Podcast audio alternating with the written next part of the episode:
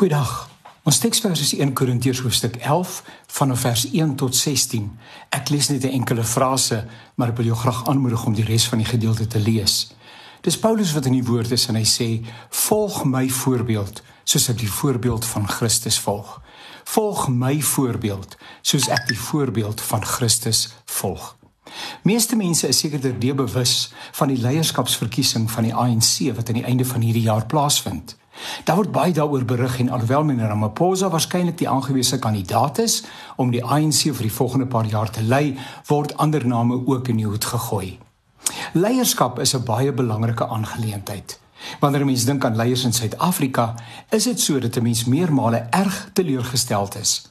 Dit blyk dat baie onder die sogenaamde leiers voete van klei het en name van hoë amptenare kom ter sprake in onderduimsheid, wanadministrasie en voorstelling, omkopery en rampokkery om maar 'n paar sake te noem.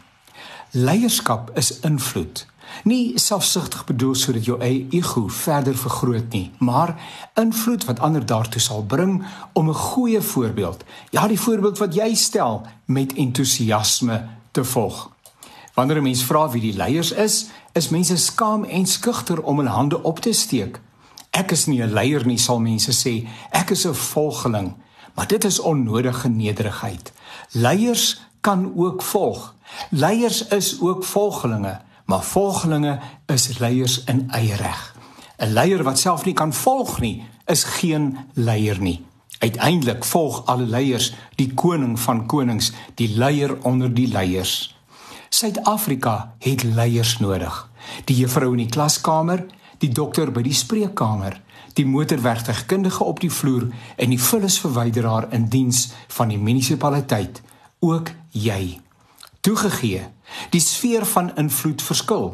Soms begeer ons 'n groter sfeer van invloed, maar ons moet 'n gedagte hou dat dit ook meer verantwoordelikheid en meer verantwoordbaarheid beteken. Hoe groter die invloed, hoe groter die verantwoordelikheid en hoe meer is daar waaroor jy eendag gaan rekenskap gee. Paulus is nie onnodig aanstellerig as hy die gemeente oproep om hom te volg nie.